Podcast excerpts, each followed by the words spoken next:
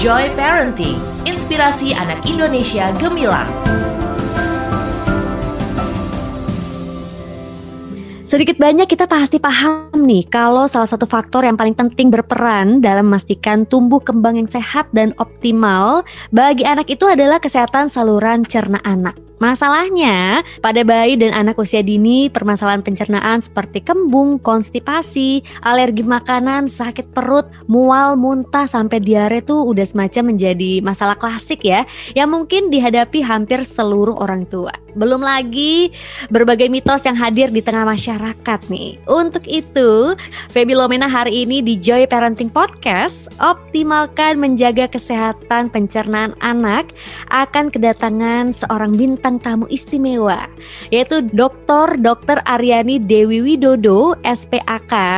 Dr. Aryani ini adalah seorang dokter spesialis anak, konsultan gastrohepatologi anak, lulusan Fakultas Kedokteran Universitas Indonesia. Halo dokter, apa kabarnya? Halo Mbak Feby, baik, terima kasih. Ngomongin soal kesehatan pencernaan anak nih dok, bagaimana sih kesehatan pencernaan anak itu berpengaruh pada tumbuh kembang anak dok? Nah, kesehatan saluran cerna anak mm-hmm. sangat berpengaruh pada tumbuh kembang karena saluran cerna sebetulnya memiliki banyak sekali fungsi. Mm-hmm. Fungsi yang pertama itu adalah penyerapan nutrisi pastinya ya. Mm-hmm. Tapi yang kedua, saluran cerna juga punya fungsi kekebalan atau imunitas. Dan yang ketiga, mm-hmm. ada komunikasi antara usus dengan otak pada anak yang mm-hmm. bisa mempengaruhi mood, perilaku, dan rasa nyaman bagi anak. Nah, ketiga fungsi ini bisa berjalan dengan baik tentunya kalau saluran cerna itu sehat. Dan kalau saluran cerna sehat, maka fungsi penyerapan nutrisi akan berjalan dengan baik. Anak menjadi mendapatkan gizi, daya tahan tubuhnya juga bagus. Yang pasti bisa belajar dengan baik, tumbuh kembang mm -hmm. anaknya juga baik, dan imunitasnya juga kuat sehingga tidak mudah terkena penyakit. Oke, berarti emang berpengaruh banget ya dok ya. Kirain kalau pencernaan ya udah di pencernaan aja gitu. Ternyata sampai tumbuh kembang pun itu sangat berpengaruh ya.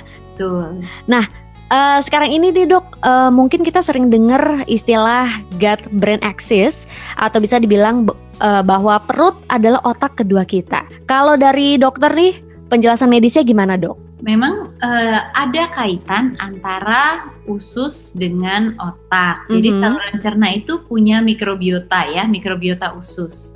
Dan mikrobiota usus itu adalah suatu apa ya um, keseimbangan mm -hmm. oleh bakteri-bakteri yang tinggal di dalam. Bakteri itu bisa baik, bisa jahat.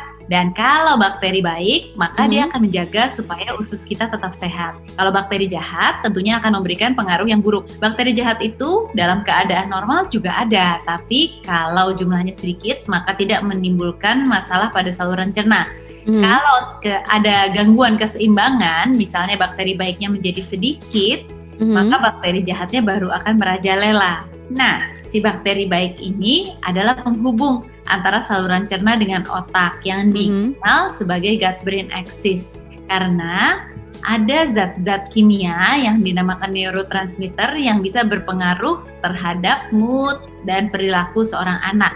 Mm-hmm. Jadi saluran cerna yang sehat, seimbang, maka si anak juga akan kita lihat sebagai anak yang seimbang. Moodnya bagus, perilakunya terkendali. Mm-hmm. Tapi kalau saluran cernanya tidak sehat, maka keanekaragaman uh, mikrobiota usus baik ini akan terganggu sehingga lebih mudah menyebabkan gangguan mood, anak lebih mudah cemas, uring-uringan dan sebagainya. Berarti emang kesehatan pencernaan anak tuh berpengaruh banget ya buat tumbuh kembang anak ya dok ya. Ada cara-cara nggak sih dok untuk menjaga kesehatan pencernaan anak dok?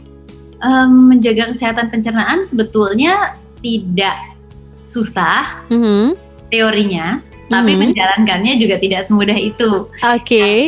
tipsnya itu adalah saluran cerna kan kuncinya dari makanan yang kita makan, betul nggak? Hmm, betul. Jadi, intinya adalah makan makanan sehat, gampang ya. Mm-hmm. Tapi melakukannya mungkin nggak gampang karena yeah. Iya. uh, dalam hidup sehari-hari itu kan banyak sekali jenis makanan dan mm-hmm. namanya memilih makanan sehat itu kan nggak uh, sebegitu gampangnya ya mbak mm-hmm. ya.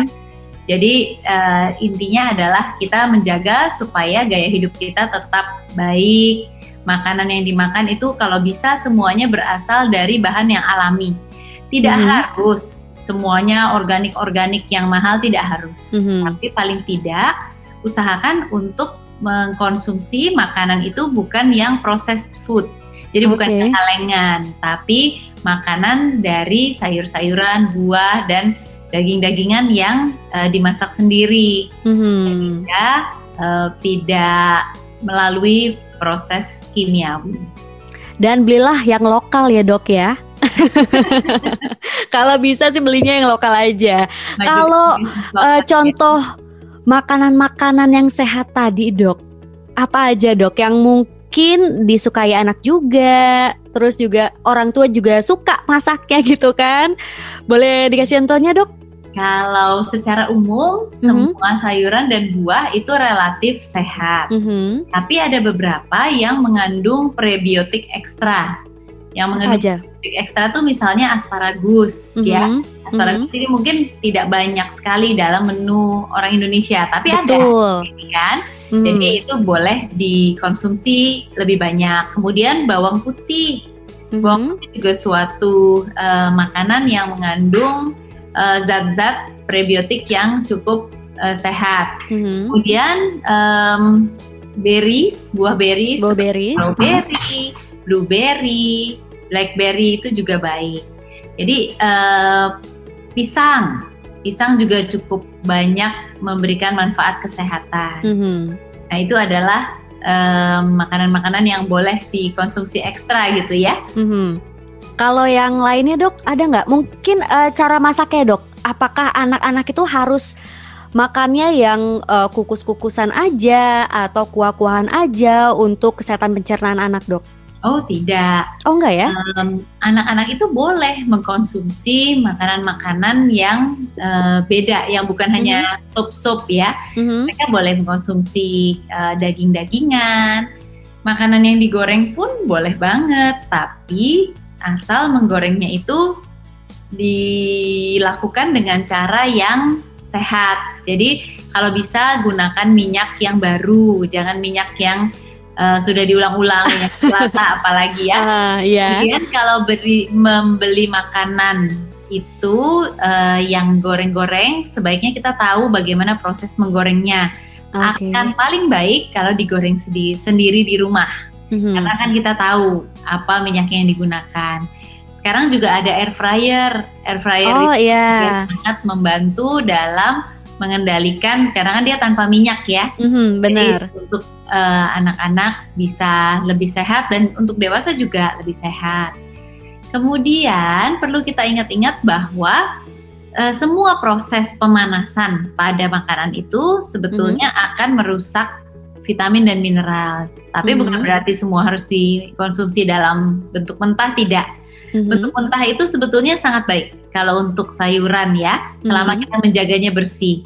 Tapi kalau memang akan dimasak, dijaga supaya memasaknya itu dalam suhu yang tinggi tapi dalam waktu singkat.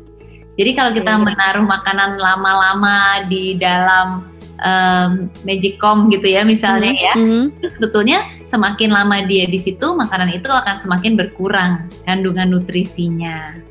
Oke, tadi dokter udah sempat bilang juga soal makanan mentah. Kalau misalnya wortel gitu dok, dipotong-potong anak langsung makan itu juga bisa berarti ya dok ya? Sebetulnya secara umum semua bisa, tapi mm -hmm. kita harus hati-hati apa sih yang kita konsumsi. Misalnya daging mentah, e, taruhlah sashimi gitu ya. Mm -hmm. Untuk anak-anak yang masih kecil sebaiknya tidak karena okay. bisa mengandung uh, cacing-cacing dan kuman-kuman hmm. yang mungkin untuk orang dewasa tidak apa-apa, tapi hmm. bagi mereka masih terlalu rentan gitu, jadi okay. bisa menyebabkan infeksi. Berarti kalau sayur-sayuran gitu masih oke okay ya dok ya untuk dikonsumsi mentah? Biasanya asal dicuci bersih, kemudian diperiksa, tidak hmm. ada masalah. Eh, taruhlah timun misalnya itu kan suatu bahan makanan yang bisa dikonsumsi mm-hmm. uh, secara langsung begitu. Oke, okay. jadi lebih baik kalau anak mungkin nggak suka makan sayur tapi uh, sukanya makan buah gitu dok? Apakah itu udah mencukupi dok? Uh, sebetulnya ada beberapa jenis. Jadi pada prinsipnya yang kita berikan itu kan uh, serat ya, mm-hmm. serat. dan serat itu nanti akan mengandung zat-zat yang ada yang bisa diserap, ada yang tidak. Jadi secara umum yang serat yang uh, bisa memberikan kesehatan mm-hmm. dengan lebih baik dan membuat saluran cerna kita lebih tidak bermasalah itu adalah serat yang tidak larut air. Nah, okay. itu bagian besar sayur demikian. Kalau buah nanti masih harus dilihat lagi karena kandungan dalam buah itu biasanya bervariasi. Mm-hmm. Dan tidak semua mendukung meskipun buah itu pada umumnya sehat karena kan mm-hmm. namanya sehat itu banyak aspek ya Mbak dilihatnya. Yeah jadi bukan hanya soal seratnya saja, tapi mm -hmm. juga dia akan mengandung vitamin dan mineral dan antioksidan. Mm -hmm. Oke, berarti dari orang tua pun harus kreatif ya bikin makanan biar sayur-sayur buat anak yang gak suka sayur itu bisa makan sayur ya dokter ya. nah dokter saat ini kan marak juga nih pemeriksaan darah untuk mendeteksi intoleransi makanan pada anak. Sebenarnya kapan nih pemeriksaan uh, pemeriksaan ini penting buat dilakukan dok?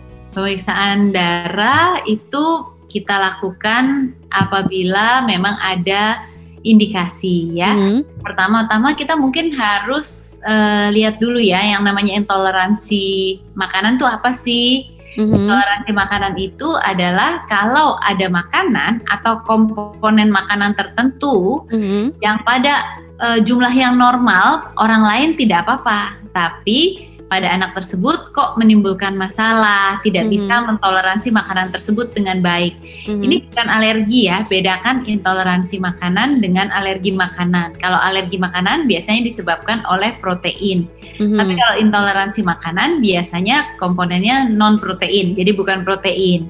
Oke. Okay. uh, seringnya terjadi pada seseorang yang tidak memiliki enzim tertentu dalam hmm. jumlah yang cukup untuk hmm. mencerna makanan tersebut. Jadi harusnya kan setiap bahan makanan atau zat makanan itu nanti ada enzimnya yang mencerna, kemudian makanan tersebut bisa diserap. Hmm. Tapi ada beberapa yang karena enzimnya kurang, jadi akhirnya dia menjadi uh, tidak tercerna dengan baik. Dan kalau tidak tercerna dengan baik akan menimbulkan gejala di saluran cerna. Hmm. Berupa apa? sakit perut, kembung, diare gitu. Nah, itu adalah eh, problem-problem uh, yang bisa terjadi. Oke, itu dari intoleransi makanan ya, Dok ya. Yeah. Kalau alergi kalau alergi kan biasanya kayak keluar bintik-bintik atau eh, merah-merah gitu, Dok ya. Betul. Tapi ada mitos juga nih, Dok, atau miskonsepsi umum yang patut diwaspadai nggak sih terkait kesehatan saluran cerna anak, Dok? Kalau mitos secara khusus uh, bisa seperti ini nih. Mm-hmm. Bahwa kalau makan makanan itu harus kebanyakan sayur dan buah supaya sehat. Tadi kan kita sudah bahas ya. Yeah. Sayur dan buah itu sehat banget gitu. Tapi semua hal yang berlebihan itu tidak baik, betul nggak? Mm, betul. Ya, kalau misalnya uh, sayur dan buah itu terlalu banyak, akan menyebabkan suatu masalah, yaitu mm-hmm. anak bisa kekurangan kalori, energi dan protein. Hmm. Soalnya kan kita tahu bahwa sayur dan buah itu makanan diet, betul nggak sih Mbak? Benar. Ya kan? Kalau orang mau diet banyak makan sayur dan buah itu adalah karena sayur itu hampir zero calories, tapi menyebabkan kenyang. Buah hmm. juga kalorinya ada tergantung jenis buahnya, tapi secara umum tidak tinggi dan yang pasti proteinnya tidak ada. Nah, padahal seorang anak itu kan membutuhkan energi, kalori hmm. untuk tumbuh, kalori dari karbohidrat, protein dan lemak. Dan terutama protein itu adalah zat pembangun yang membuat mereka bisa tumbuh tinggi dan besar, membantu sistem imun, mm-hmm. membuat pemulihan dari penyakit menjadi cepat. Mm-hmm. Dan itu adalah hal-hal yang kalau seorang anak kebanyakan makan buah dan sayur menjadi tidak diperoleh. Begitu. Jadi okay. salah satu mitos tuh itu, jangan kebanyakan. Tapi perlu nggak dikasih kalau begitu? Ya perlu, mm-hmm. tapi secukupnya saja. Jangan melebihi 25% dari porsi makan. Oke, ngomongin soal porsi makan dok, kita ngebayangin coba ya dok, misalnya anak dikasih makan satu piring kecil gitu dok, bisa dibagi-bagi nggak tuh dok? Misalnya nasinya uh, berapa bagian, terus sayurnya berapa bagian, proteinnya berapa bagian gitu dok? Nah biasanya kalau kita berikan makanan itu uh, karbohidrat itu boleh mencapai sampai 40-50 persen. Mm -hmm. Kemudian protein sekitar 30 persen ya, mm -hmm. dan sisanya baru uh, lemak, kemudian lemak itu sekitar 10%, mm -hmm. kemudian uh, sayur dan buah tidak melebihi 20-25%. Oke, berarti Joy Parents memang ya kesehatan pencernaan anak itu berpengaruh banget buat tumbuh kembang anak nih. Makanan anak biar bisa bikin good mood itu harus kita harus menjaga saluran cernanya, makan makanan sehat biar mikrobiotanya juga cukup ya dok ya. Makanan sehatnya apa? Nah tadi udah dijelasin juga probiotik dan satu lagi apa dok? Aku lupa dok. Probiotik dan prebiotik. Dan prebiotik. Terima kasih Dokter Aryani udah ngobrol-ngobrol hari ini di Joy Parenting. Terima kasih juga untuk Joy Parents yang udah dengerin obrolan kali ini barengan Feby Lomena dan juga Dokter Aryani. Terima kasih ya dok ya. Terima kasih undangannya. Sampai ketemu Mbak Feby. Sampai ketemu lagi di podcast bye, selanjutnya. Bye. Joy Parenting, inspirasi anak Indonesia gemilang.